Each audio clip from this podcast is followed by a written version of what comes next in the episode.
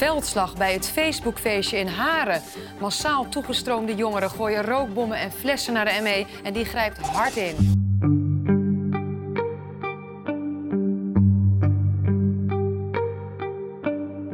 Het altijd zo rustige Haren is in één avond veranderd in een plek van chaos en geweld. Overal liggen glasscherven, er zijn brandjes, de ME voert charges uit en je hoort schreeuwende jongeren in heel het dorp.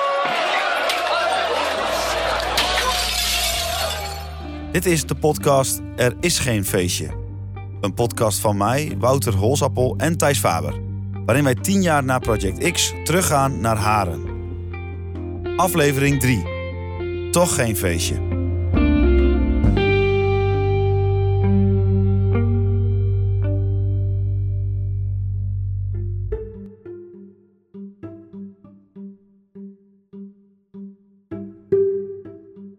Het is nog steeds vrijdagavond, 21 september 2012. De politie slaagt er maar moeilijk in om de groepen relschoppers die in Haren zijn onder controle te krijgen. Het grootste deel van de mensen die naar Haren zijn gekomen hebben helemaal niet de intentie om te gaan rellen.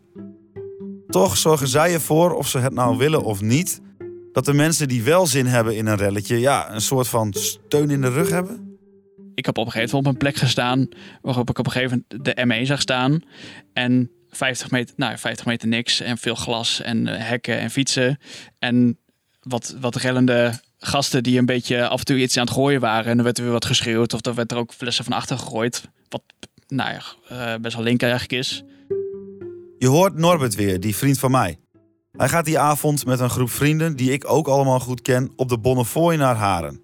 Even kijken wat er te doen is. Want ja, stel je voor dat het episch is en jij op 10 minuten fietsen afstand alles gemist hebt. Maar het loopt anders dan verwacht. Het loopt uit de hand. Ja, dat zag er heel. Ja, best wel sneu uit. Uh, ja, het zag er best wel sneu uit eigenlijk. Dat je, dat je dus een hele grote groep hebt uh, die erachter gewoon een beetje bier staat drinken. En eigenlijk geen flauw idee of verder, wat er verderop gebeurt. Maar die zorgen eigenlijk wel voor de rugdekking van nou, ik weet niet hoeveel mensen het waren geweest die echt aan het, echt aan het uh, uh, met, met de ME bezig waren.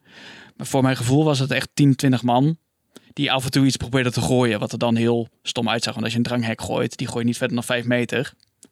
En um, dus die, die komt dan voor de ME 10 meter te liggen. En dat ziet er dan redelijk spectaculair uit. Maar eigenlijk gebeurde niet zoveel. Ik kan me nog herinneren dat je een gegeven moment echt dacht van ja jongens, als we nu gaan allemaal naartoe lopen, een paar van die gassies oppakken en voor hem één neerzetten. Nou jongens, pak ze maar op, want dit zijn stel pannenkoeken die het verpesten voor, voor de hele meute. Uh, en dan kunnen we weer verder met, ja, met wat we daaraan doen waren, wat ook niks was. Maar het waren gewoon, ja, ja, dat klinkt heel stom. Maar er waren gewoon echt, het was volgens mij een heel klein groepje wat, uh, wat een beetje tof probeerde te doen. En, en heel veel mensen die eromheen stonden, die een beetje dachten van ja, um, waar slaat het op? En uh, ja, wat doen we hier eigenlijk? En uh, er is niks. Dus ja, dan gaan we maar bier drinken op dit plekje en dan zien we wel.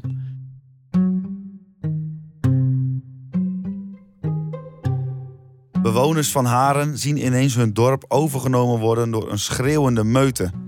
De stationsweg zelf was veilig, want ja, die was afgezet. Uh, die mensen wonen een paar huizen verderop het moment van het feest hebben we er verder niet zoveel van meegekregen. Omdat wij hier opgesloten zaten. Zijn die gewoon lekker gebleven. We hadden hier uh, allemaal politie om de deur. Dus wij voelden ons wel heel veilig. Ja. In het oog van de, van de storm, zeg maar. Ik woon aan de Rijksstraatweg en ik heb mee mogen maken dat jongelui de auto midden in de tuin parkeren. In de tuin gingen poepen, in de tuin gingen plassen en vluchten uiteindelijk voor een grote invasie van paarden, politiepaarden die hun weer richting de stad jaagden.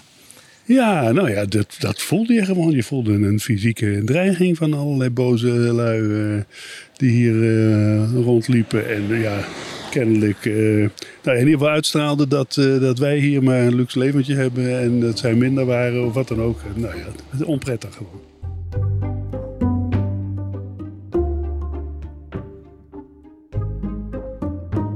Ook Joshua, de student uit Zwolle, staat nog steeds met zijn vrienden vlakbij de plek waar de sfeer helemaal is omgeslagen. Maar vluchten voor de chaos doen ze nog niet. Ja, dat is misschien wel eh, toch een beetje de sensatie zoeken die we toen hadden. Wij met z'n drieën, we dachten, ja, weet je wat, we, we blijven gewoon op afstand en we kijken wel een beetje wat er gebeurt.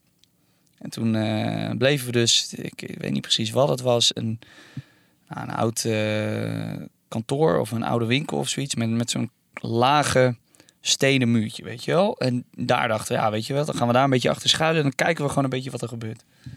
Wat zag je? Ja, je zag, een hele, je zag gewoon een mensenmassa die op een gegeven moment een, een ruk naar links maakte. Omdat de ME ehm charges begon uit te voeren. Dat zag je in eerste instantie. En daarna, ja, toen weet ik, totale anarchie. Er werd meer vuurwerk gegooid. Er werden op een gegeven moment glazen gegooid. Ehm, nou, stenen werden er volgens mij op een gegeven moment zelfs gegooid. Ja, en dat was voor ons wel het moment dat wij dachten, ja, hier moeten we echt weg zijn. En toen, eh, nou, hebben we volgens mij wel redelijk hard op het lopen gezet. Het was niet gewoon wandelen, maar we hebben volgens mij echt een volle sprint gedaan. En dat was nog, dit was nog allemaal in de buurt van het kruispunt. Dit was allemaal in de buurt van het kruispunt, ja, op eh 100 meter of zo. En lukte dat? Ja, gelukkig wel. Ehm, we kwamen uiteindelijk in, eh, in, eh, in veiligheid, of ja, veiligheid. Toen kwamen we dus bij, eh, bij een, een woning aan. En daar zagen we ook weer meekomen. En die waren dus ook weer charges aan het doen. En toen dachten wij met elkaar, ja, maar jongens, dit is, ja, dit is niet veilig. Ik heb en geen zin om met blauwe ogen thuis te komen of met gebroken botten. Dus toen zijn we gewoon bij iemand in de voortuin, maar door de, nou, door de heg heen als het ware, op het grasveldje. En zijn we daaronder gaan liggen. Eigenlijk met z'n drieën. In de heg van een, eh, van een voortuin van iemand in Haren. Bijzonder. Ja, vrij bijzonder, ja. Kun je nog... Ja, ik, zit op, ik probeer nu in mijn hoofd Visualiseren. te visu- visualiseren. Maar hoe moeten die gesprekken geweest zijn? Ja, dat weet ik niet. Ja, ik ga niet zeggen doodsangsten. Ehm, want zo, ja, we wisten wel het ergste wat zou kunnen gebeuren. Zou, eh, zou dat we gewoon klappen zouden krijgen van de, van de beton. Terechte klappen ook trouwens, zoals we die hadden gehad. Ehm, maar nee, we lagen daar gewoon en, en het was gewoon eigenlijk in stilte. Omdat je, ja, we hebben letterlijk de voeten van de ME op een gegeven moment gewoon voorbij zien komen marcheren. En dat ook eh, bewoners, die zag je hier in de, in de straten zag je ook staan. Ja, die, eh, die werden naar binnen ge- geroepen. Ga naar binnen, nu naar binnen. En dat, dat ging echt niet zachtzinnig aan toe. En het meest vreemde was, is dus we zagen eerst de railschoppers. Als, laat ik ze zo maar even noemen. De, en die zagen gewoon allemaal dingen gooien. En op een gegeven moment zag je de politie komen. Nou, en dat hebben. Dat ging op zich wel redelijk vlug. Ehm, maar daarna eh, hebben we daar echt nog, na ik denk een uur, een half uur gelegen in, eh, in, in die heg. Maar kun je terug naar het moment dat je dus daar ergens aankomt... en achter je is dus de shit en voor je komt ME... Wat zeg je dan tegen, je, tegen elkaar? Ja, toen zeiden we, moeten de tuin in, we moeten de tuin in. Dat was echt gewoon ons, eh, wij dachten van, nou weet je, ehm, we hadden oprecht niks gedaan. We waren alleen pottenkijkers. En wij dachten van, ja weet je, als die mensen ons de tuin uittrappen, de, het ergste wat had kunnen gebeuren was dat de bewoners, ehm, dat die op ons boos zouden worden. Maar dat is niet gebeurd gelukkig. Eh, op een gegeven moment kwamen de bewoners ook naar buiten en we zeiden, ja, eh ME, we kunnen nergens naartoe. Nou, die hebben toen ons daar in de tuin laten liggen. En die zoon met die vader, weet ik nog, die gingen met een hockeystick gingen hun oprijlaan op. Om eh, ja, de auto, het huis te verdedigen of weet ik. Maar die hadden echt, die hadden volgens mij wel echt doodsangsten. Die hadden wel zoiets van, wat is dit voor waanzin? Joshua is dan nog onschuldig. Tenminste, hij doet niet mee met relschoppen. Wie in ieder geval wel schuldig zijn... de 108 mensen die werden opgepakt... voor verschillende strafbare feiten die avond in Haren. Henk Verwerda, de criminoloog en politieonderzoeker... deed namens de commissie Cohen het onderzoek... naar de profielen van de 108 arrestanten. En als je dan kijkt van, eh, zijn het dan 108 hardcore, hardcore hooligans? Nee. Het zijn eigenlijk, eh, we hebben volgens mij daar iets over geschreven van... op twee na waren het allemaal eh, mannen. Twee dames en eh, 106 eh, mannen. En dat waren eigenlijk Hollandse jongens, om het maar zo te noemen. Dat was het profiel. Vooral uit Noord-Nederland. Het grootste deel kwam uit Groningen, Friesland en Drenthe. Want dat zei ook iedereen. Ze kwamen uit heel Nederland. Nou, dat was in ieder geval in die verdachte populatie niet aan de hand. Waren het dan allemaal lievertjes? Nee, veel van die jongeren waren wel, wij noemen dat trailseekers. Hè? Dus wel altijd uit op ja, een beetje rotzooi trappen. Dus onderdeel van jeugdgroepen. Eh, wel antecedenten ook voor bijvoorbeeld eh, vernielingen of eh, openlijk geweldpleging. Dus ze waren niet allemaal first offenders, zoals we dat zo mooi noemen. Maar het waren ook echt geen doorgewinterde criminelen.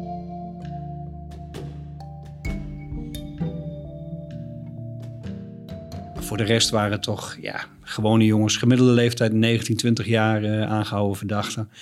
Die, waarvan ik denk, op dat moment, uh, we gaan naar een feestje. Er was geen feestje. Uh, er was flink gedronken. Dat hebben we in de, ook in de verhoren wel gezien. Veel jongens hadden echt veel gezopen. Dus er, was, er zat al wat olie in, zeg maar. En de verveling sloeg toe. Uh, er was geen alternatief. Uh, en toen zijn ze gaan vernielen. gaan plunderen, later in de, Albert, in de Albert Heijn. En toen kwam de politie. Ja, dan had je ook, toen hadden ze ook een tegenstander. En dat is eigenlijk, als je de rel construeert... hoe het, hoe het gegaan is.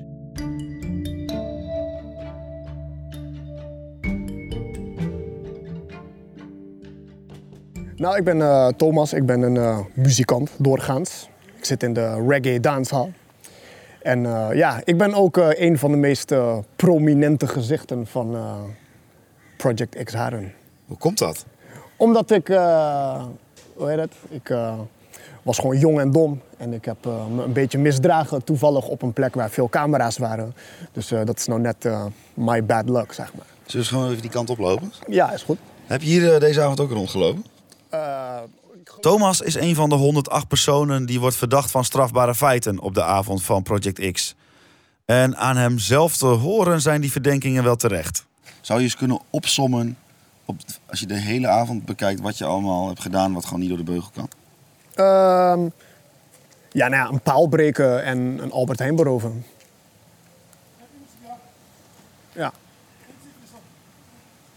Ja, ja, en, en ja, kijk met, de, kijk, met het rellen of zo, ik heb niet echt iets, ik heb niks gegooid of zo. Ik was gewoon, ik was gewoon tussen de crowd en ik was aan het schreeuwen en, en zo. Maar ja, ja, misschien een beetje op, op, opruiing, zeg maar. Misschien is dat de derde die ik erbij voeg, maar ja. Thomas is de avond van Project X 17 jaar oud. Thijs en ik lopen met hem door Haren langs de plekken waar hij die avond allemaal is geweest. Ja, ik weet niet. Ik was gewoon een beetje aan het rondlopen. En ja, in één keer merkte ik van... hé, hey, de sfeer is wel anders. Het was net gezellig. En nu is het in één keer grauw, grimmig. Dus ja. Toen het zeg maar eh, wat grimmiger wordt, toen... Nou, sommige mensen die denken dan van... oh ja, dan loop ik even wat uh, verder weg. En dan ga ik even wat afstand nemen. En dan kijk ik even rustig wat er gebeurt. Want ik wil daar niet uh, tussenin belanden. Ja, en ik was niet een van die mensen die, dat, die zo dacht, man. Vertel. Ja, ik weet niet. Ik, uh, ik liet me gewoon een beetje meeslepen door, uh, door de sfeer en zo. Ik was uh, destijds nog steeds wel eigenlijk best wel impulsieve guy. Maar ja, ik was ook 17, weet je wel. ja, ik zeg het wel vaak, maar hoe heet het, als, als, als, als excuus. Het is natuurlijk geen excuus, maar ja, weet je, het was wel gewoon... Je bent wel gewoon jong en je hebt op dat moment wat op, weet je wel. En ja, je denkt je denkt gewoon van, nou, laat ik laat ik me gewoon meeslepen in dit gebeuren zo. En uh, ja, uiteindelijk heb ik, uh, zag ik een paar, een paar jongens een, een, paal afbreken. Dus ik denk van, oh, het lukt ze niet helemaal, laat ik ze helpen. Waarom? Ja, ik weet niet, vond ik leuk. Dat was gewoon even een, een soort, een, een, een, een oerinstinct van mij van, hé, hey, ik wil even dingen kapot maken of zo. Ja man, iedereen heeft uh, da, da, opgebouwde frustratie, dus dat moest er gewoon op dat moment even uit, denk ik. We lopen naar de Albert Heijn in Haren, die om de hoek ligt van de stationsweg. De rellen verplaatsen zich die avond op een gegeven moment van de stationsweg richting de rest van het dorp. De blauwe super ligt precies op de route. En waar de Zaanse kruidenier eerder op de dag misschien nog een behoorlijke omzet draait door al die mensen in het dorp, verandert de komst van Thomas en andere jongeren de dag van de supermarkt behoorlijk. De pleuris brak uit. En uh, een bekende van mij, die, uh, ik ga natuurlijk niet zeggen wie, die uh, besloot om ehm, zeg maar, die, ehm, die paal zeg maar, die, die uit de Albert Heijn hangt te pakken en een ruit in te smashen. Waardoor er dus toegang was tot de Albert Heijn. En eh, ja, de rest is geschiedenis eigenlijk. En kun je zo proberen zo gedetailleerd mogelijk te beschrijven hoe dat, hoe dat toen ging? Uh, nou, het enige wat ik zag was dat hij, uh, zeg maar, uh, met die vlaggenstok dat raam insloeg. Ja, was uh, nogal grote guy. En eh, hij had gewoon die vlag had hij met twee handen vast. En met veel passie sloeg hij dat ding open. En wat dacht je toen? gratis sigaretten, dacht ik toen. Eh, En? Oké, nou, ik ben dus naar binnen gegaan.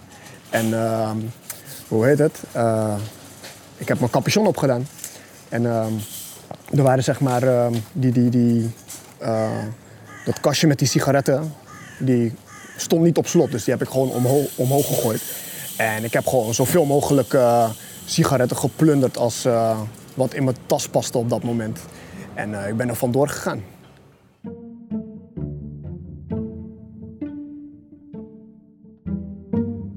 En eh, uiteindelijk, ik had geen vervoer terug. Dus toen kwam ik een paar studenten tegen en toen zei ik... jongens, voor, eh, voor een aantal eh, dozen sigaren brengen jullie mij terug naar Groningen. En eh, dat was een deal. Dus zo ben ik thuisgekomen uiteindelijk. Hoe, hoe is dat eigenlijk als je daar dus, ja, je, je- tien jaar later op terugkijkt, dat je dat hier, hier hebt gedaan? Ja. Ja, ik ben, ik ben best wel indifferent eigenlijk. Het was gewoon stupid. Maar ja, ik was, ik was 17. En weet je, iedereen is jong. Iedereen is dom als hij jong is. Dus ja, man. Ja, heb ik, eh, ik, ik zeg maar, ik, ik heb wel mensen de stuipen op het lijf gejaagd. En ja, dat vind ik wel, eh, daar heb ik wel spijt van. Maar verder, ik bedoel, het is, geen, het is geen duistere periode uit mijn leven of zo. Dat niet. Nee. Je hebt wel veel gerookt daarna. Nou, oké, nu komt het. Ik eh, stond eh, pontificaal met mijn smoel op camera. Dus eh, ik dacht, het lijkt me wijsheid als ik gewoon nu terug ga en zeg... jongens, ik was dronken, ik heb me misdragen. Hier zijn de sigaretten. En politie zal sowieso met repercussions komen. Dus ik heb mezelf aangegeven voor, hoe heet het, een, een mindere straf, zeg maar. Uiteindelijk meldt Thomas zichzelf bij de politie. Hij staat zo duidelijk op camerabeelden dat het hem verstandig lijkt om niet te wachten tot de politie het zelf doet. Hij is in de periode na Project X zeker niet de enige die dit doet. Ja, ik, ehm, ik heb een paar dagen vastgezeten. En ehm, toen ben ik vrijgelaten en toen ehm, heb ik een rechtszaak gehad.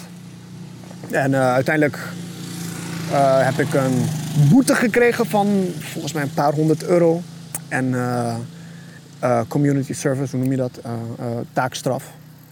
In Haren ook. Ja man. Wat heb je gedaan? Oké, nou, dit was best leuk eigenlijk. Ehm, Het was ehm, bij de Hortus. Maar het was wel midden in de winter, dus het was echt heel koud. Maar ehm, er was zeg maar zo'n versnipperaar. En daar moesten we allemaal gewoon, gewoon takken in gooien en, en boomstronken en al dat soort dingen. En daar kwam dan eh, nou, snippers uit. Daar moesten we een paadje van maken. Zo. Ja. Ik ben zelf bijna in die versnipperaar beland. Gelukkig kon ik net op tijd mijn hand eruit trekken en eh, alleen mijn werkhandschoen. Maar eh, ja, en uiteindelijk, ehm, dat was gewoon een, een, een project, maar dat coverde niet al mijn taakstrafuren. Dus uiteindelijk ehm, moest ik nog een paar uur taakstraf doen bij Goudgoed in, aan het Damsterdiep. Ja, en eh, ja, dat was mijn straf ongeveer. Dus ik ben er al met al, ben ik er, volgens mij voor wat ik heb gedaan, ben ik er nog wel redelijk goed voor afgekomen. En dat kwam natuurlijk met het door het geniale idee om te zeggen: jongens, eh, ik heb me misdragen, neem me maar mee. En eh, ja, want ik denk als ik dat niet had gedaan, dat ik wel een hogere straf had gekregen. Ja.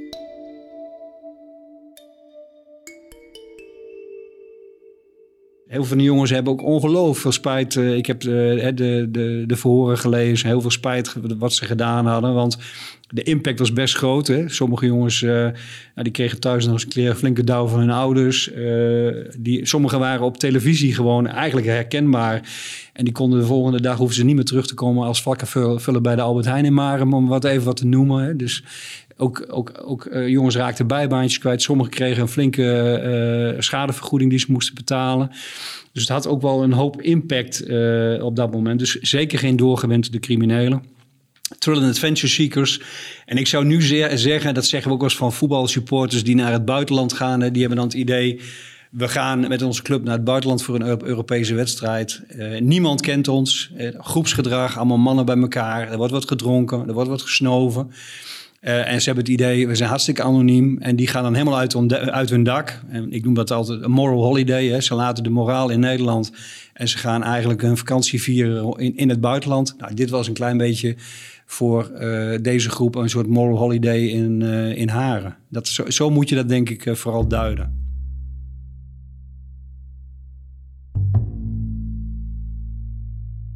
Genoeg over daders en hun profiel, want daders maken vaak slachtoffers. In de vorige aflevering hoorde je Jacco Smit al even kort. Hij heeft in die tijd een modezaak in het centrum van Haren.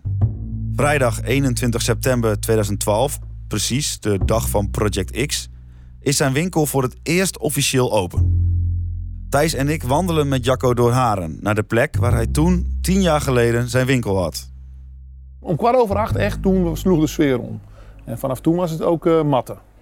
Zowel hier, hier voor de deur ook, waar we nu staan, en, maar ook de Kerkstraat in. En het verlengde van de Kerkstraat, eigenlijk waar, uh, waar die Mitten dan wonen, de Stationstraat. Ja, daar was het helemaal mis. Ja, hoe heb je dat beleefd hier van binnenuit?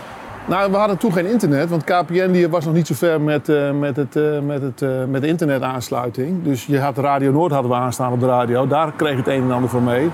En een kennis van mij die werkte toen voor de veiligheidsregio en die zat op het gemeentehuis. En daar kon je een beetje mee sms'en. Want, want online, zeg maar, WhatsApp, dat was ook, lag ook helemaal uit de lucht. Ja. Dus we kregen niet heel veel mee. of ik zat hier alleen maar eentje dan in de winkel. Maar ik kreeg niet heel veel mee.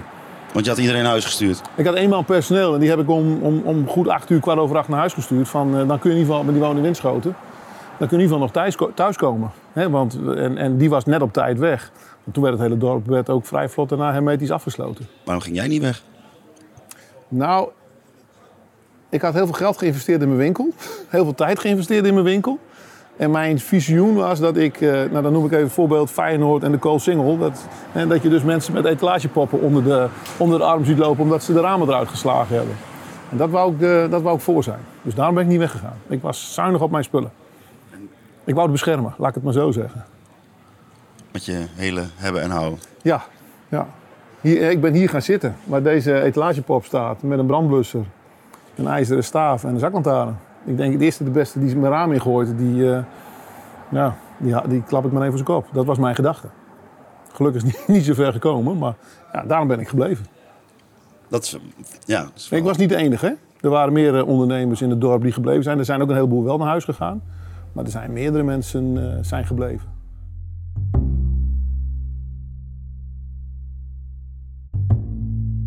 Kun je eens meenemen dat je dan besluit, ik blijf.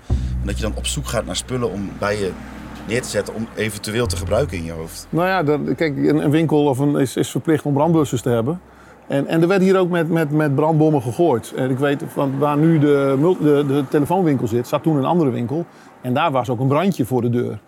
En, en het, het rolluik hier zo, die sluit nu tot aan de grond. Maar dat was toen niet zo. Dus daar konden ook dingen onderdoor gegooid worden. Dus ik denk aan brandblussen is altijd handig. En, en, en, ik van die rekken of van die, van die stangen zeg maar, waar de kleding aan hangt. Ja, daar had ik wel één of twee van over. Dus die had ik ook maar gepakt. Dus ja, wat pak je? Ja, wat je voor de, wat je, wat je voor de handen komt, pak je. En, en ja, daar, dat probeer je dan. Ik ben blij dat het niet nodig was om je mee te verdedigen. Nou, hoe lang heb je daar gezeten? Ik, was, uh, ik weet dat ik s'morgens om vijf uur in de auto zat, terug naar huis. En uh, ik denk dat ik hier vanaf half negen tot 11, 12, 1 gezeten heb. Uh, uh, en, en, maar het bleef onrustig. Hè. Mensen liepen hier voor de deur, langs chasjes waren hier, uh, hier voor de deur. Dus ik ben de hele nacht in de winkel geweest. Bizar eigenlijk. Ja, als je, ja, als je daar, daarop terugkijkt, ja zeker. Ja. Ben je ook tijdens die, dat je daar zat, ook, is het dichtbij geweest? Heb ja. Je, heb je, ja. Ik ben er nooit zo bang geweest. Ik ben echt nooit zo bang geweest. En, en dat komt ook dat er, uh, je hoorde de dingen die ik dan hoorde via die jongen die naar het gemeentehuis zat, via RTV Noord. En er kwamen hier ook wel ondernemers die kwamen achterlangs via de achterdeur de winkel in om even te kijken hoe het hier was. En ik ben er ook nog een keer uit geweest het dorp in te gaan, want de, op een gegeven moment hier, hiernaast op de hoek hebben ze bij de schoenenzaak hebben ze met blote handen de ramen ingeslagen. Nou, die, dus ja, toen hebben we s'nachts Wouter van der Werf van de Hubo nog uit bed gebeld en die is nog gekomen met, uh, met en die grote platen die hebben we er nog voor gespijkerd. Ja. Nou, je, hebt, ja, je doet dingen die, uh, waarvan je het zelf achteraf misschien niet weet meer. Of, of waarvan je denkt van waarom heb ik dat gedaan. Maar dat doe je gewoon. Het is niet een verhaal wat je dagelijks hoort. Een ondernemer die zijn eigen winkel desnoods met geweld beschermt voor alles wat er buiten gebeurt. Voelde het ook een beetje als overleven op zo'n moment? Is het dan dat je helemaal in de adrenaline wordt meegezogen? Nou, overleven niet, maar wel uh, van uh, ik, moet, ik, ik zal wel vechten voor wat ik hier heb. Dus niet iemand die mij, uh, die mij dat af gaat pakken. Als je dat als overleven benoemt, ja, maar het was meer eh, een soort zelfbescherming, zeg maar. Dat was het meer, zo voelde dat. En je zegt dat je er de hele nacht hebt eh, gezeten. Je zegt, ik zat om vijf uur pas in de auto terug. Voelde het ook zo lang in je hoofd? Eh, voelde dat ook zo lang? Nee, ik denk dat het wel achteraf denk ik dat het voorbij gevlogen is. Want er is zoveel gebeurd dat, eh, ja, ik denk dat het voorbij gevlogen is, denk ik. Maar dat, eh, het is tien jaar geleden, jongens. Z- Zijn er zeg maar, momenten geweest dat je daar zat? En dat er dus wel bijvoorbeeld aan de andere kant van het raam iemand verscheen met een agressieve blik? Nee, nee dat, dat niet. Wat ik wel gezien, want ik zat helemaal in het donker, hè. Dus mensen konden, ja, je moest echt naar binnen kijken. Ik had de etalagelamp ook uit. Mensen moesten echt naar binnen kijken, wouden ze mij zien. Maar ik heb hier wel mensen gezien die met een schroevendraaier eh, de, de, de klinkers eh, uit, de, uit de straat plukten. En die hadden een, een, een rugzak om met schroevendraaier en, en, en bijtels om de, om de klinkers uit de straat te halen.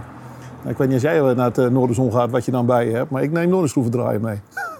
Dus dat, dat heb ik heel bizar gevonden. Dus dat, dat waren mensen die waren gewoon ook uit op. Die kwamen niet voor de gezelligheid. Nee, dus jij zegt, er zijn, want dus uit het onderzoek blijkt eigenlijk, eigenlijk van nou, niemand was daar echt uit op rellen. Ja, flauwkul. Echt onzin. Echt onzin.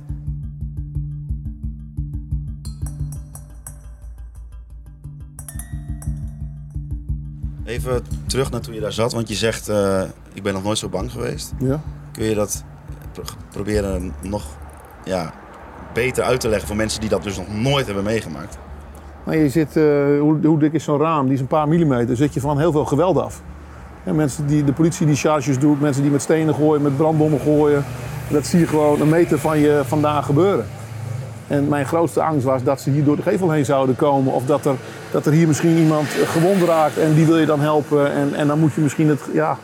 Dus die, die, die angst is. eh, het is moeilijk te omschrijven eh, hoe, die, hoe dat voelde toen. Maar ik, ik weet het nog wel, dat ik heel bang was. Dat ik echt heel bang was. Dat, is gewoon het, dat het gewoon het einde van de winkel zou zijn. Ja. Op de eerste dag. Op de eerste dag, ja. Ja, klopt. Maar dat werd het niet. Nee, nee, nee, nee. Want, want op een gegeven moment, ik denk om een uur of twee, drie, toen werd het, heel, toen werd het rustiger. Toen was het onder controle. Toen kwam er steeds meer politie. En toen hebben we dus die, die, die schoenenwinkel die daar zat in de Kerkstraat hebben we dichtgetimmerd. Eh, we zijn nog een paar keer door het dorp heen gelopen.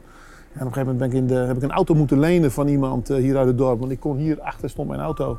kon ik gewoon niet meer weg door de hoeveelheid glas die er lag. En ik kon vanaf daar de snelweg op eh, naar Zuid-Laren. En ik was om vijf uur thuis, denk ik. En ik was om zeven uur hier weer. ochtends. Hoe dacht je toen en nu, als je tien jaar later terugkijkt, hoe, hoe, over je eigen veiligheid daar? We zijn weer terug bij Bas van Sluis. Ja, op dat moment niet bij stilgestaan. Ehm, je zit ook gewoon in de flow. En ik, ik, ik, ik, was toen helemaal, ben ik nog misschien nog steeds wel, wel een, mannetje in die zin. Ik denk van, nou, wat gebeurt mij nou? En als me wel iets gebeurt, dan, dan zien we dat dan wel weer op dat moment. Die avond is me wel een paar, een paar dingen gebeurd waarvan ik dacht van, oh, oké, dat, eh, dat is bijzonder. Eh, ik heb een, eh, een fles tegen me aangegooid gekregen. Dat was al vrij snel na, na het gebeuren. Toen, het, toen het losging, zeg maar. Ik, ik voelde opeens pijn op mijn schouder of iets dergelijks. En ik keek om en er lag een, lag een kapotte fles naast me. Ik weet nog steeds niet wie of hoe en van wat voor afstand. En toen de mobiele eenheid het dorp enigszins onder controle leek te hebben... eh, stonden ze op linie eh, tegenover het gemeentehuis. Maar aan de overkant stond een hele grote groep jongeren. En die eh, waren de politie aan het uitdagen. En ik stond in het midden. En dat was niet handig. Maar ik was op de fiets. Want ik wilde wat door het dorp heen fietsen. En toen kwamen twee agenten op mij afgerend. Ik zag ze en met een hele lange eh, eh, lat. Dus echt mobiele eenheid. En ik, ik trok mijn politiekaart, of mijn politieperskaart. Ik ben van de krant, ik ben van de krant, heb ik nog geschreeuwd. En er was een man en een vrouw. En die vrouw was vrij oké. En die zei van, ja, je hoort hier niet te zijn. Je moet veilig, een veilige plek zoeken. Ik zei, ja, ik ga al weg. Ik ga al weg. Dus ik fietste naar die railschoppers. En dat ging die kerel kennelijk niet, eh, niet hard genoeg. En die, terwijl ik aan het wegfietsen was, rent hij achter mij aan en geeft hij mij een, een, een beuk met zijn, met zijn stok tegen mijn, tussen, eh, naar de onderkant van mijn, mijn rug en mijn, eh, mijn heup. En op dat moment was ik er helemaal niet mee bezig. Maar toen ik het verhaal had geschreven, toen heb ik mijn, eh, broek wat omlaag gedaan en dat aan mijn collega's laten zien, geloof ik. Dat was helemaal, helemaal ja, blauw, blauwachtig. Dat is er gebeurd. En ehm, zoals je wel zult begrijpen, ja, talkshows en die proberen dan contact te krijgen met mensen on the floor, zeg maar. Ze hadden mijn telefoonnummer en ik werd gebeld door uh, het programma Knevel en Van de Brink. Of ik alsjeblieft een uh, live in de uitzending een update wilde geven. Ja, dat wilde ik wel. Maar ik zei, dan moet ik naar een rustig plekje, want het gaat hier wat los. En ik loop naar een agent, mobiele eenheid, die een, st- een straat had afgesloten. Ik laat mijn perspas zien. Ik zei, joh, ik moet er langs. Ik moet live in de uitzending, zo, vijf minuten. Dus ik moet daar even heen. En terwijl die man mijn pas aan het controleren is, of zijn collega is zijn pas, zegt hij opeens, en ik sta met, met mijn gezicht naar hem toe, dus met de rug naar de railschoppers. En opeens zegt hij tegen mij, pas op. En hij doet zijn schild naar voren en kaatst een baksteen weg. Die anders vol op mijn achterhoofd zou zijn, zou zijn beland. Op dat moment stond ik daar helemaal niet bij stil. Maar toen wel, van toen ik weer terug was, toen ik het verhaal had geschreven, dacht ik, wat is hier eigenlijk gebeurd? Wat is hier nou eigenlijk gebeurd? Dus om terug te komen op je vraag, ben je bezig met, met je veiligheid? Nee. nee. Nou ja, ik ben er wel mee bezig, maar uh, je bent vooral bezig met je werk zo goed mogelijk doen. En dat klinkt als een open deur. En een beetje cocky misschien ook wel, maar het is, het is meer van, ja, ik moet een verhaal schrijven. Ik moet opletten wat er gebeurt. En nou, wie doet mij wat?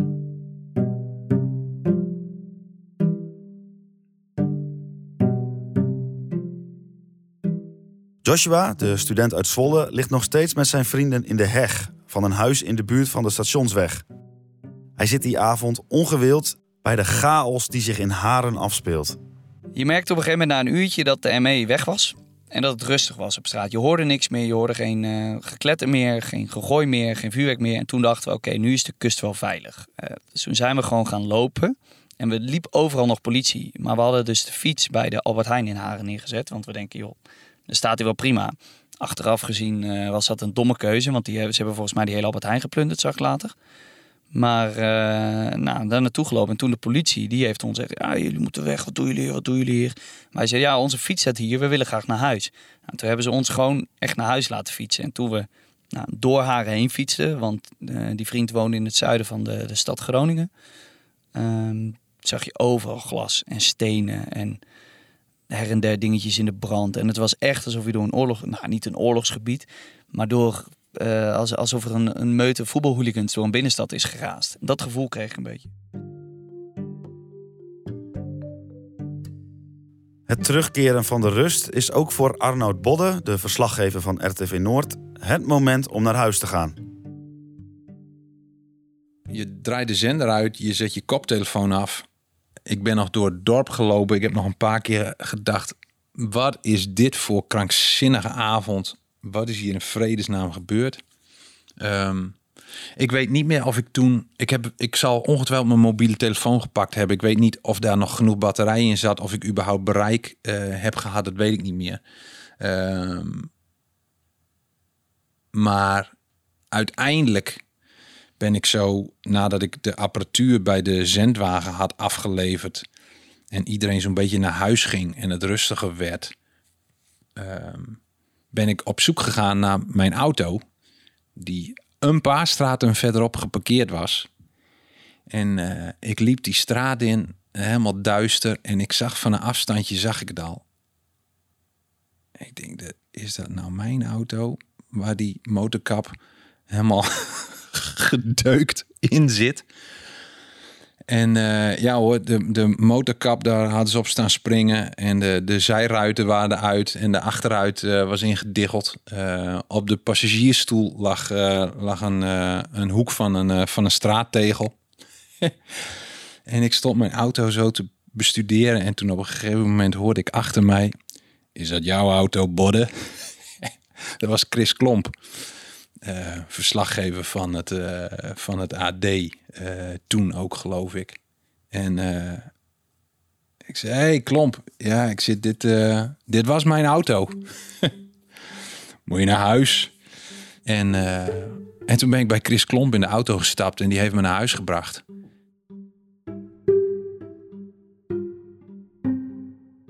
Het wordt stil in Haren. In een paar uur is hier een gezellige samenkomst van jongeren ontaard in een storm van geweld en rellen. Haren is ondertussen een wereldwijd trending topic op Twitter. In heel het land wordt meegekeken naar dat plaatsje, Haren. Ook op het gemeentehuis zit de dag erop. Het crisisteam is er niet in geslaagd om het dorp te behoeden voor plunderingen, brandstichting en vernielingen. Of dat alles te voorkomen was, is op dat moment van latere orde. En in deze podcast ook trouwens. Wouter Jong verlaat ver na middernacht het crisiscentrum in Haren. Je komt vanuit het gemeentehuis. Nou, dat zal dan half twee s'nachts zijn geweest. Loop je weer terug naar de auto via allerlei fietsenwrakken die daar liggen en, en brandjes die nog naast meulen. Ehm, en dat, het is iets heel raars. Maar je voelt je eigenlijk ook mede schuldig. Want je denkt, ja, ik ben adviseur geweest in deze crisis en we hebben dit niet kunnen voorkomen. Dat, dat vond ik wel, ja, dat gaf wel een heel vervelend gevoel. Het is niet van, nou ja, het was, het was iets moois en ik heb het van binnenuit meegemaakt. Nee, natuurlijk. Ik bedoel, je bent er uiteindelijk wel om, uh, ja, om daar die situatie te voorkomen. En dat is ook wel een beetje hoe Rob Bats het uh, de volgende ochtend volgens mij heeft verwoord, ook in de persconferentie die er toen, uh, toen was georganiseerd. Van ja, de overheid heeft zeg maar niet geleverd wat, wat mensen van de overheid hadden mogen verwachten. En dus dat gaf wel een, een, een ja, een nare bijsmaak, zeg maar. Maar goed, ja, en tegelijkertijd, ja, ik ben toen naar mijn moeder uh, gegaan die in de buurt woont. Dus ik hoefde niet helemaal terug naar uh, Den Haag. Maar ja, bedoel, je stuitert van de adrenaline. En ik denk niet dat ik heel veel heb geslapen die, die nacht. En vervolgens was ik denk ik om een uur of half negen s ochtends weer terug op het gemeentehuis. Om de persconferentie voor te bereiden die we die ochtend organiseerden.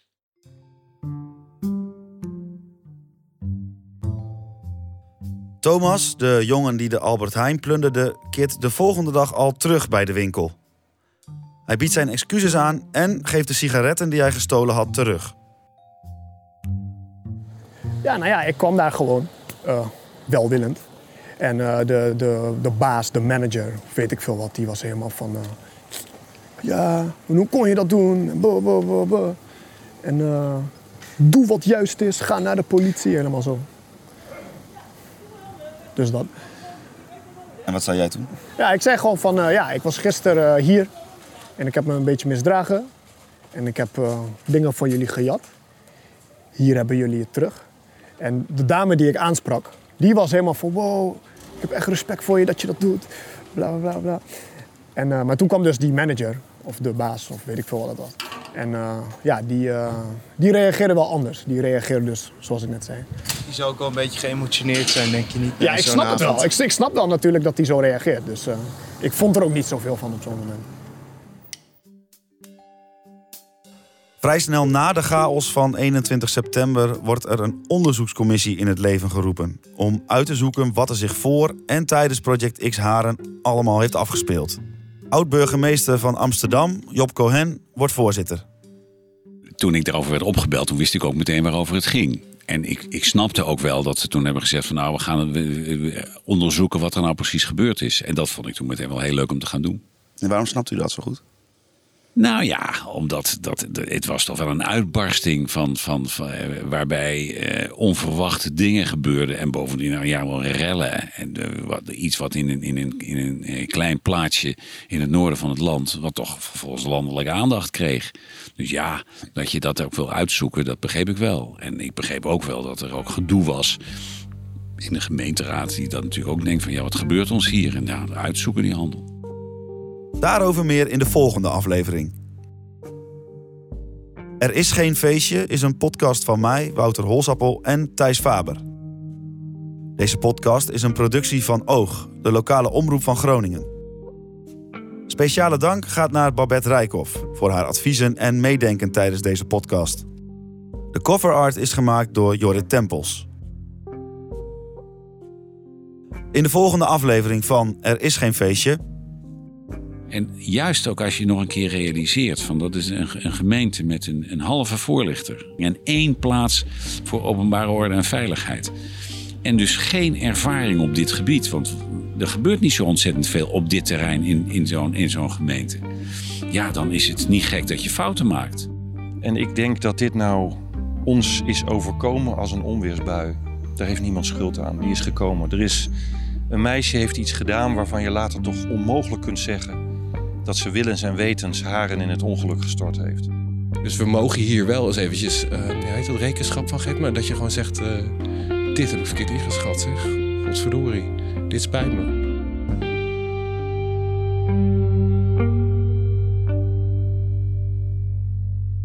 Oh ja, vond je dit nou een interessante podcast?